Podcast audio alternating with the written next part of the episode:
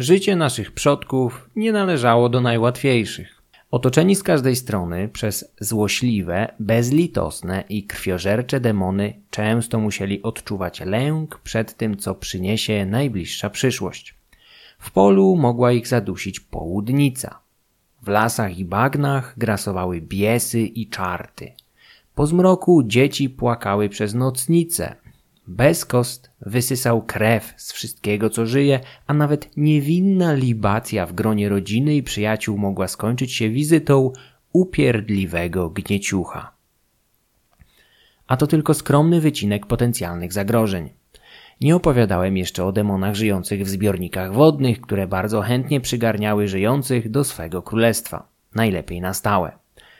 Zapraszam do świata topielców i wodników. Nigdzie w słowiańszczyźnie nie darzono wody czcią porównywalną do kultu, jaki spotkał ziemię, słońce lub ogień. Woda, pomimo swoich życiodajnych cech, budziła także lęk i niepewność. Wbrew powszechnym poglądom o nadnaturalnych uzdolnieniach będących udziałem społeczeństw pierwotnych, nasi przodkowie bali się wody, lasu bądź zjawisk atmosferycznych nie mniej niż my. W sumie to można nawet zaryzykować stwierdzenie, że bali się ich bardziej. Bez butli tlenowych i skafandrów do nurkowania przeciętny Słowianin mógł spędzić pod wodą bezpiecznie zaledwie kilkadziesiąt sekund. W efekcie nawet dno pobliskiego, płytkiego jeziora było dla niego tajemniczą krainą pełną dziwów i magicznych stworzeń. Sztuka pływania również nie była rozwinięta tak jak dzisiaj. Nie było kursów, instruktorów i doświadczonych ratowników. Jak z wszystkim w tamtych czasach, najczęściej lekcje pobierałeś od rodziców. Utonięcia były nie tylko częste, ale w wielu wypadkach również niezauważone. Stąd już tylko krok dzielił naszego przodka o oskarżenie tajemniczych istot żyjących w głębi pobliskiego stawu. Lęk, jaki Słowianie odczuwali przed wodnymi demonami, popychał ich do składania im obfitych ofiar. Mieszkańcy głębin otrzymywali większe dary od demonów domowych i leśnych. Pierwsza wzmianka o demonie wodnym w polskiej literaturze ma miejsce już pod koniec XIII wieku. Wtedy to ludność jednej z miejscowości zaczęła mieć kłopoty z łowieniem ryb w pewnym jeziorze. Zorganizowano więc religijną procesję. Księża, rycerze oraz dużo pospólstwa ze świętymi obrazami, śpiewami i wodą święconą. Po odprawieniu nabożeństw zarzucono sieci.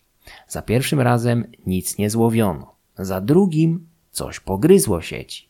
Za trzecim w sieciach znalazł się przerażający potwór z głową kozła i czerwonymi ślepiami. Procesja rozpieszła się czym prędzej, a potwór oswobodził się z sieci i wrócił do swojego apartamentu na dnie jeziora. Historia ta, kojarząca się z podobnymi importowanymi z zachodu opowieściami, może być w pewnym sensie oparta na wierzeniach ludowych, chociaż nie da się już stwierdzić, ile w niej wyobraźni kronikarza, a ile ludowych wierzeń. W każdym razie głowa kozła jest charakterystycznym wtrąceniem chrześcijańskim. Demony zamieszkujące otchłanie wód zwano topielcami, wodnikami, utopkami, pływnikami, wirnikami, a im bliżej niemieckiego obszaru językowego, tym częściej mieliśmy do czynienia z Wassermanami. Nie mylić z tym od zabójczej wanny z hydromasażem. Stopniowo, w miarę postępów chrześcijaństwa, większość wodnej menażerii była utożsamiana z chrześcijańskimi diabłami, które stopniowo przejmowały również cechy starych, poczciwych i niejednokrotnie głupkowatych biesów i czartów. O ile jednak bies bywał głównie złośliwy, lecz nie zabijał ofiar, o tyle topielce nie ograniczały się jedynie do wynurzania nieszczęśnika w jakimś bagnie. Wolały go utopić, zasilając swoje podwodne królestwo. Bardzo szeroko rozpowszechniony był pogląd, że topielcami stawali się samobójcy, którzy odebrali sobie życie poprzez utopienie. Geneza powstania demonów wodnych różniła się często od lokalizacji. Bestiariusz wodny był zresztą znacznie bogatszy na Warmii i Mazurach aniżeli w Małopolsce.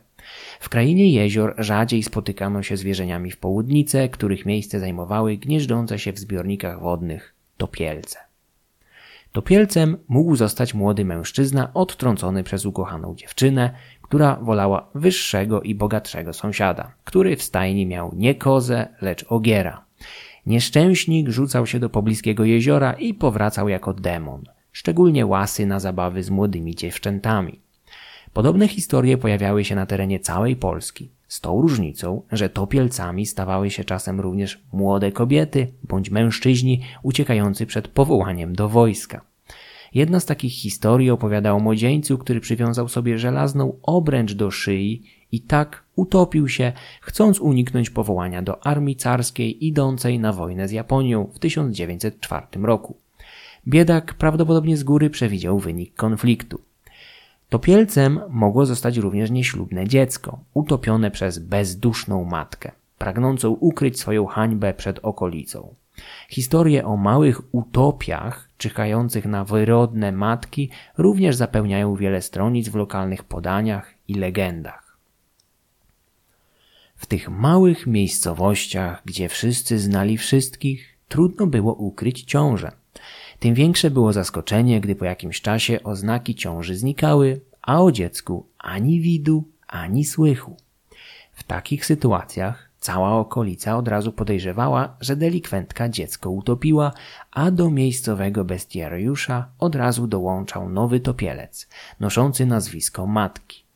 W niektórych miejscowościach starsi ludzie byli w stanie przypisać takich spersonalizowanych topielców do każdego zbiornika wodnego. W niektórych grasowało nawet kilku jednocześnie. Szeroko rozpowszechniona była wiara w powstawanie topielców z płodów kobiet, które utonęły będąc w ciąży. W tym jednak wypadku mały demon nie mógł już jednak nastawać na życie matki. Przekleństwo rodzica miało duży udział w późniejszym skazaniu na los topielca. We wsiach leżących na prawym brzegu Pilicy, niedaleko Nowego Miasta, istniało podanie o topielicy, która została przeklęta przez matkę, zdruzgotaną tym, że jej latorośl oddała się niechrzczonemu Żydowi. Na wschodnim Mazowszu zachowało się kilka relacji o żydowskich topielcach, które były szczególnie zawzięte na chrześcijan przekraczających rzeki, w których grasowali. Niedaleko Wyszkowa nad Bugiem dawno temu przewróciła się łódka z kilkoma Żydami, którzy utonęli na miejscu. Po wielu latach Ciągle opowiadano o tym zdarzeniu, a występujące w niektórych miejscach wiry wciąż nazywano żydowskimi. Nieochrzczeni topielcy z wielką zaciekłością starali się topić chrześcijan w tych miejscach. Często spotykano się także z poglądem, że topielcem mógł się stać ten, kto zażywał kąpieli w niedozwolonych dniach bądź okresach. Kąpiel w niedzielę przed południem czy znaczniejsze święta, jak na przykład świętego Jana 24 czerwca, bądź świętego Piotra 29 czerwca, bądź jeszcze we wniebowzięcie 15 sierpnia, była niewskazana i mogła obudzić złe moce. Często pojawiał się pogląd, że kąpiel w miesiącach zimowych kończyła się tragicznie, co mogło być odzwierciedleniem rzeczywistości. Ludzie zdawali sobie sprawę, że kąpiele w chłodniejszych miesiącach często kończyły się powikłaniami dla zdrowia, więc dorabiali sobie mistyczne wytłumaczenia zakazów takich czynności. Generalnie jednak w zdecydowanej większości wypadków to samobójcza śmierć przez utopienie była uważana za najczęstszą przyczynę stania się topielcem. Wiemy już skąd brały się topielce. Jak jednak wyglądały? Postacie, jakie przybrać mógł topielec, były skrajnie różne. Bardzo często topielce pozostawały w takiej postaci, jaką miały w momencie śmierci. To pozwalało rozróżniać ich i czasem zwracać się do nich po imieniu, jakie nosili za życia. Kilkukrotnie uratowało to życie ich ofiarom, które były w stanie nawiązać dialog z demonem, zawstydzić go jakoś lub wybłagać ocalenie. Przebywanie w wodzie wpływało na ich aparycję. We włosach plątały się wodorosty. Odzież była mokra i postrzępiona. Sporadycznie fizjonomia mogła, co zrozumiałe, ewoluować w kierunku charakterystycznym dla stworzeń wodnych. Pojawiały się błony pomiędzy palcami stóp i dłoni. Skrzela, rybia łuska. Często pojawiała się wzmianka o niewiarygodnej sile, jaką demon czerpał z wody, lecz tracił bardzo szybko po wyjściu na brzeg. Stąd walka z topielcem w odmętach jeziora niechybnie prowadziła do katastrofy, lecz na brzegu człowiek miał znacznie większe szanse na sukces. Topielec mógł przybierać postaci zwierząt, najczęściej koni, które samotnie pasły się nad rzekami. Widok pięknego, samotnego rumaka kusił młodych mężczyzn niemal tak samo jak spotkanie młodej, nagiej rusałki. Przed wynalezieniem samochodów to konie wzbudzały te same emocje, które dzisiaj towarzyszą mężczyznom oglądającym nową Teslę albo Porsche. Dosiadanie takiego konia często kończyło się tragicznie. Gdy tylko poczuł na sobie jeźdźca, koń gwałtownie ruszał do wody i ginął w jej odmętach razem z ofiarą. Wydaje się, że czasem z topielcami mylono wodne, drapieżne zwierzęta, np. szczupaki, które niegdyś spotykano często w naszych rzekach. Szczupakom można przypisać niektóre relacje o topielcach atakujących kaczki lub mniejsze pływające zwierzęta, żaby lub gryzonie. Oprócz ataków zwierząt czy zwyczajnych utopień, napaścią demona można było wytłumaczyć także zwyczajne przestępstwa. Od jak donoszą etnografowie, nad brzegiem pewnej rzeki, niedaleko dworu w miejscowości o nazwie Kobylanka, mieszkało kiedyś rodzeństwo, brat i siostra. Pewnego dnia dziewczyna wracająca do domu została zagadnięta przez nieznajomego, lecz elegancko ubranego mężczyznę, który chciał z nią zatańczyć. Przynajmniej tak wspominali świadkowie. Już nie wróciła do domu. Następnego dnia na brzegu rzeki znaleziono roznegliżowane zwłoki młodej dziewczyny. Ubranie było rozrzucone na brzegu, ciało nosiło ślady przemocy. Dzisiaj zawiadomilibyśmy policję i szukali gwałciciela mordercy, dawniej jednak uznano zajście za napaść topielca, który przybrał postać eleganckiego mężczyzny. Czy można było uniknąć ataku topielca? Generalnie było to trudne, ale zachowały się relacje o spotkaniach ze szczęśliwym zakończeniem. Wierzenia chrześcijańskie sugerowały noszenie świętych amuletów, na przykład poświęconych krzyżyków na piersiach bądź zwyczajne przeżegnanie się przed wejściem do wody. Sporadycznie topielca można było zagiąć, zadając mu jakieś pytanie, na które nie znał odpowiedzi. Wydaje się to dziwne, że nasz mokry demon w ogóle chciał wchodzić w jakieś dywagacje z potencjalnymi ofiarami, ale czy może być coś dziwniejszego niż sam fakt, że ktoś wierzył w coś takiego jak topielec? Wracając do meritum, topielca można było zaskoczyć oderwanym od rzeczywistości pytaniem. Bogdan Baranowski podaje ciekawą historię. Mianowicie pewna kobieta piorąca bieliznę nad rzeką została znienacka pochwycona przez topielca i wciągnięta do wody. Niechybnie utonęłaby, gdyby nie jej przytomność umysłu. W pewnym momencie krzyknęła do potwora Pozdrowienia od Małgorzaty. Zaskoczony topielec przerwał atak i zaczął rozpytywać się o jaką to Małgorzatę chodzi.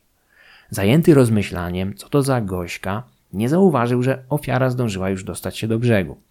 Podejrzewam, że podobne historie były jednymi z tych, które obdarzeni bujniejszą wyobraźnią wymyślali na poczekaniu, aby bawić sąsiadów w trakcie spotkań towarzyskich, przy wódce i ognisku. Z czasem weszły one do podań ludowych, a my po latach możemy z poczuciem wyższości pokiwać głową nad rzekomym zabobonem i naiwnością przodków.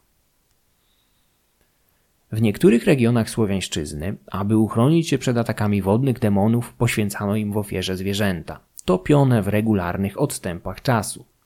W Rosji, nad rzeką Okoł, dopływ Wołgi, co roku miejscowi chłopi składali się na konia, którego kupowali bez stargowania, tuczyli kilka dni, a następnie nasmarowawszy mu łeb miodem i zawiesiwszy dwa koła młyńskie u szyi, topili w odmętach. W wielu regionach zamieszkanych przez Słowian spotykano podobne praktyki, z tym, że częściej topiono kury bądź gęsi. Z takimi przypadkami spotykano się także w Polsce, gdzie w niejednej miejscowości utopienie kury w odmętach przynosiło rok spokoju. Prawdopodobnie były to echa dawnych wierzeń w przedchrześcijańskie demony, które trzeba było ugłaskać takimi właśnie ofiarami. Niegdyś z lekceważeniem odnosiłem się do podobnych wierzeń. Moje poglądy zmieniły się jednak całkiem niedawno, gdy sam na własne oczy spotkałem topielca. Było to w Bieszczadach wiosną 2019 roku. Siedząc nocą przy ognisku z grupą znajomych, wśród których kilku było z mojej grupy rekonstrukcyjnej, usłyszeliśmy nagle ludzki głos dochodzący z nad strumyka. Warto tutaj dodać, że paliliśmy ognisko tuż nad wodą. Ludzkie głosy z nad strumyka należały do samotnego mężczyzny, którego głos wskazywał na konsumpcję alkoholu w ilościach mocno przekraczających rozsądne normy. Pomogliśmy mu przedostać się do nas i posadziliśmy Pawła, bo tak zwał się ten topielec, nad ogniskiem. Nie byliśmy w stanie dowiedzieć się niczego o jego przeszłości oraz celach, poza tym, że szukał noclegu, co było chyba jedynym rozsądnym elementem jego zachowania, jeżeli wziąć pod uwagę, że była już północ. W Bieszczadach. Topielec Paweł zniknął tak nagle, jak się pojawił, tuż po północy. Prawdopodobnie korzystając z zamieszania, jakie zawsze wynika, gdy w powietrzu unosi się za dużo procentów. Wskoczył z powrotem do swego strumienia i zniknął w nim, zostawiając nas samych z zagadką. Kim był i czego chciał? Tego nie dowiemy się już nigdy.